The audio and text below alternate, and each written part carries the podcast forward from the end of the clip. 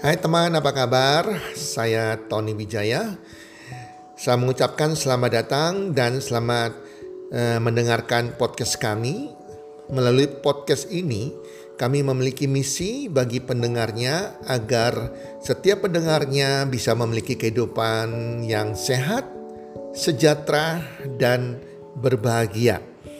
Kami ingin menjadi sebuah cahaya lilin di tengah kegelapan yang bisa memberikan harapan, manfaat, dan solusi bagi setiap pendengarnya. Selamat mendengarkan podcast kami dan semoga Anda menjadi pendengar untuk podcast-podcast kami berikutnya. Salam 1 2 3 salam sehat, sejahtera dan bahagia.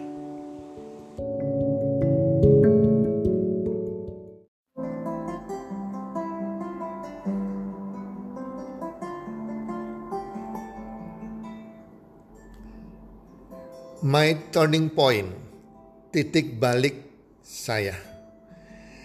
Hai para pendengar podcast, apa kabar semuanya? Di mana pun Anda berada saat ini sahabat podcast, saya berdoa semoga para pendengar semuanya sahabat podcast diberikan kesehatan sehat walafiat bersama keluarga, tetap berbahagia dan makin bertambah rezekinya dari hari ke hari. Para pendengar, setiap orang sukses, setiap manusia pasti punya titik balik dalam kehidupannya, yaitu sebuah peristiwa yang dialaminya sendiri yang membuat dia ambil keputusan yang sangat luar biasa yang kemudian bisa merubah hidup dia kemudian hari. Ataupun mungkin seseorang itu tidak pernah mengalami sebuah peristiwa, tetapi dari peristiwa orang lain, dia menjadikan titik balik bagi kehidupannya, sehingga dia sungguh-sungguh fight bertarung ya untuk kehidupannya, untuk mencapai kesuksesan. Setiap orang sukses kalau ditanya pasti ada titik balik dalam kehidupannya. Tetapi setiap orang gagal, mereka tidak punya titik balik. Mereka terima kehidupan ini walaupun buruk, walaupun tidak enak, mengalir aja. Mereka hanya pasrah. Kita nggak bisa pasrah. Kita ikhlas dengan apa yang kita alami saat ini, tetapi kita harus berjuang untuk keluar dari masalah persoalan kita. Para pendengar, saya juga memiliki the part of my story, the part of my life, jadi sebagian dari kisah hidup saya yang menjadikan uh, turning point, titik balik bagi kehidupan saya. Uh, saya sendiri dibesarkan dari keluarga pengusaha ayah kakek saya pengusaha, ayah saya pengusaha, saya juga uh, dididik jadi pengusaha sejak di bangku kuliah dan sejak kuliah sampai lulus kuliah saya sudah belajar jadi pengusaha, saya sudah membangun total ada 10 macam bisnis. Total 10 macam bisnis dan saya mengalami tiga kali kebangkrutan. Dan itu membuat modal saya semua habis. Saya sudah nggak bisa bangun lagi. Saya rasanya dunia ini sudah ambruk. Pada saat kita di titik terendah, ada saja, ada saja persoalan yang datang. Ada saja yang kita katakan hal-hal yang tidak kita harapkan muncul Orang katakan kalau sudah jatuh ketimpa tangga lagi ya. Kalau kita sudah mengalami kesialan kok ada saja hal-hal yang membuat kita sial dan sesuatu peristiwa yang menambah lagi kesialan kita, penderitaan kita dan seterusnya. Itu saya alami teman-teman. Pada saat saya mengalami kebangkrutan dan modal kami juga sudah habis, sudah nggak tahu gimana cara melunasi hutang-hutang di bank di situ ada peristiwa yang sangat luar biasa terjadi. Di mana teman-teman sebelumnya saya juga pada waktu saya jadi pengusaha yang masih sukses, saya ada menangani yang namanya saya, uh, organisasi. Saya ikut sebuah organisasi yang nirlaba yang banyak membantu orang-orang, teman-teman. Nah, suatu kali Nah, ada penawaran di organisasi saya ini, ada seorang anak muda baru lulus SMA dari Kalimantan, orang miskin orang tuanya, anak ini keterima di kota Surabaya, tetapi uh, dia tidak bisa membiayai kuliahnya. Sedangkan anak ini sekolahnya pintar, selalu juara waktu SMA-nya, sekarang keterima uh, di salah satu universitas di Surabaya dan dia tidak bisa membayar uang kuliah, uang pangkal maupun uang kuliahnya maupun kos-kosannya. Waktu itu ditawarkan kepada siapa yang mau uh, sebagai donatur dari anak muda ini. Dan saya tergerak dan saya ketemu anaknya, anaknya baik, anaknya sopan, anaknya sungguh-sungguh anak yang berkarakter yang baik dan akhirnya saya membiayai dia. Selama kuliah uang pangkal maupun uang kuliah setiap bulan. Sehingga anak ini lulus kuliah dengan sangat membanggakan dan orang tuanya yang orang miskin tidak punya ini sangat bangga dengan anak muda pria ini. Mereka sangat bangga bersyukur dan anak ini keterima di sebuah perusahaan yang perbankan yang cukup besar di bagian pusat komputernya. Dan tidak lama setelah dia bekerja di sana, dalam waktu enam bulan setelah dia bekerja, apa yang terjadi? Anak ini terdeteksi kena cancer dan sudah stadium 4 lebih. Itu shock sekali, orang tuanya shock, saya pun shock, tidak menyangka. Kita nggak pernah tahu apa rencana Tuhan. Kenapa kok begini? Yang jelas semua shock. Dan anak ini harus dikemoterapi. Dan pada saat anak ini mengalami masalah tersebut, yang butuh biaya besar untuk pengobatannya, biaya kemonya, di situlah saya juga mengalami kehancuran. Saya bangkrut, ekonomi saya hancur, saya ingin menolong anak ini.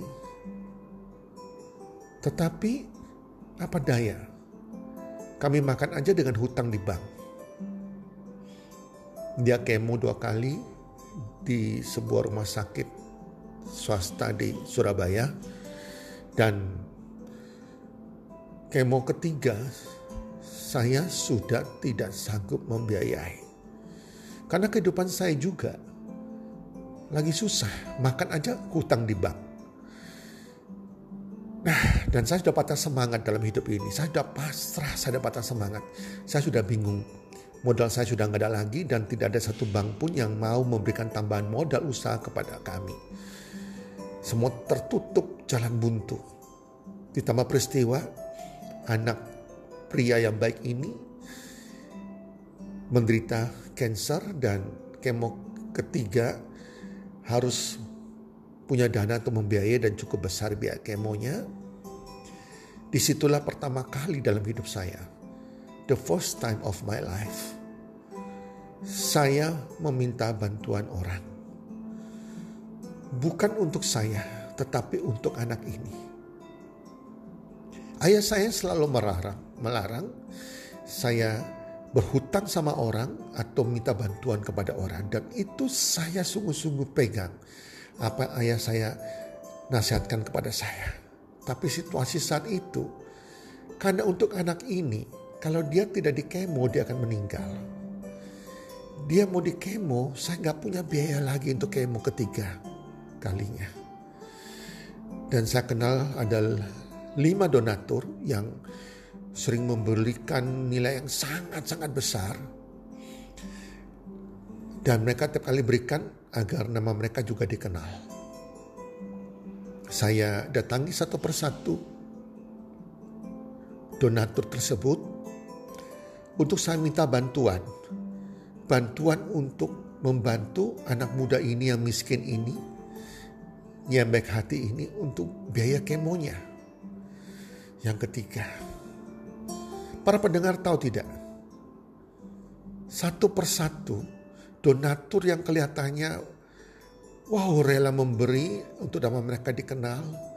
Satu persatu, satu persatu menolak. Mereka katakan siapa anak muda ini saya nggak kenal. Kamu nyumbang sendiri. Saya katakan saya tidak punya kemampuan lagi untuk membantu anak ini saya sudah cukup membantu dan saya sudah nggak bisa membantu lagi. Ini antara hidup dan mati. Kalau kita nggak bantu anak muda ini akan meninggal. Kan dia tidak bisa dikemo lagi. Semuanya menolak. Dan Saya masuk di di toilet di tempat kantor organisasi tersebut. Saya menangis. Saya menangis. Menangis bukan apa, saya shock. Saya tidak menyangka sama sekali. Di situlah pertama dalam hidup saya saya katakan my turning point bahwa saya tidak akan pernah meminta-minta bantuan kepada orang lagi. Saya malu, benar-benar malu. Dan akhirnya saya nggak bisa bayar kemo ketiga. Dan anak muda ini bersama keluarganya harus lari sembunyi-sembunyi dari rumah sakit tersebut. Dan akhirnya mereka kembali ke Kalimantan. Beberapa minggu kemudian anak muda ini meninggal dunia. Dengan tenang tentunya dan saya percaya dia sudah ada di surga.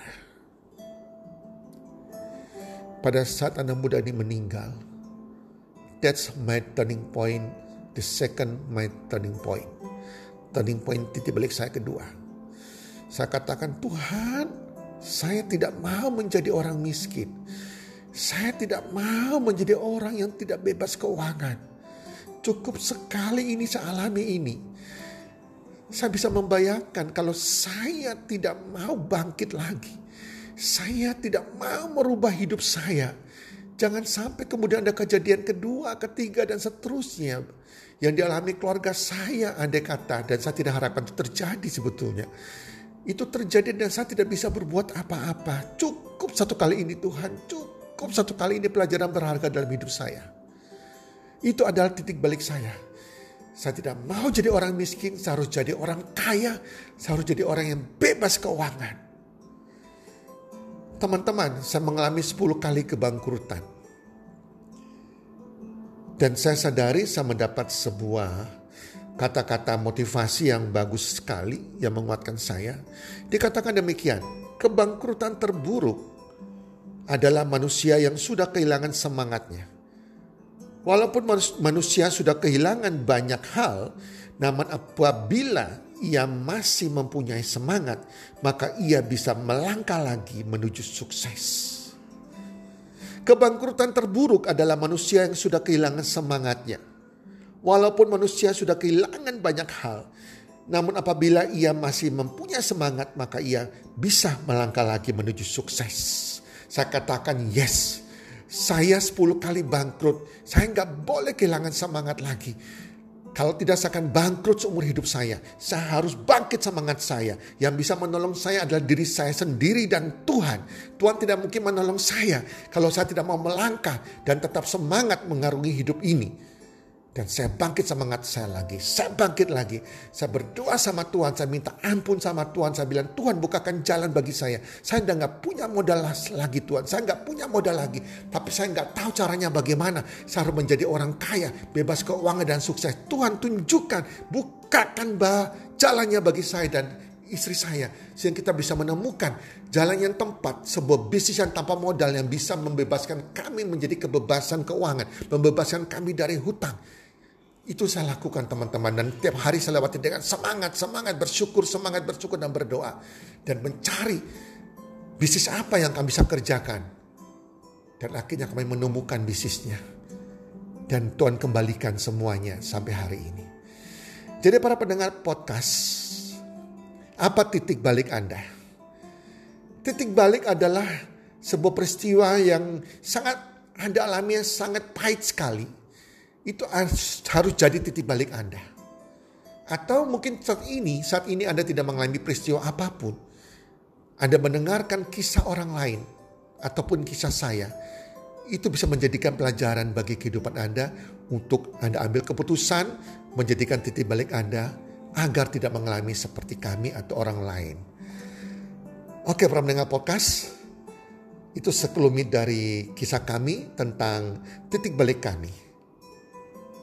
Ambil keputusan Anda untuk tetap semangat, bangkit dari kebangkrutan, dan mencapai sukses impian Anda untuk bebas keuangan, untuk keluarga Anda cintai. Semoga bermanfaat dan salam sukses buat Anda semuanya.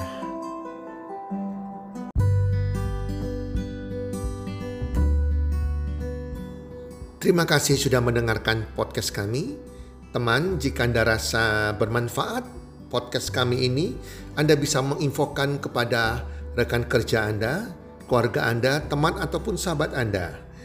Dan jika ada hal-hal yang Anda ingin tanyakan kepada kami ataupun topik-topik apa yang Anda ingin kami bawakan, kami sampaikan, Anda bisa DM kami di Instagram kami healthcommunity.com id.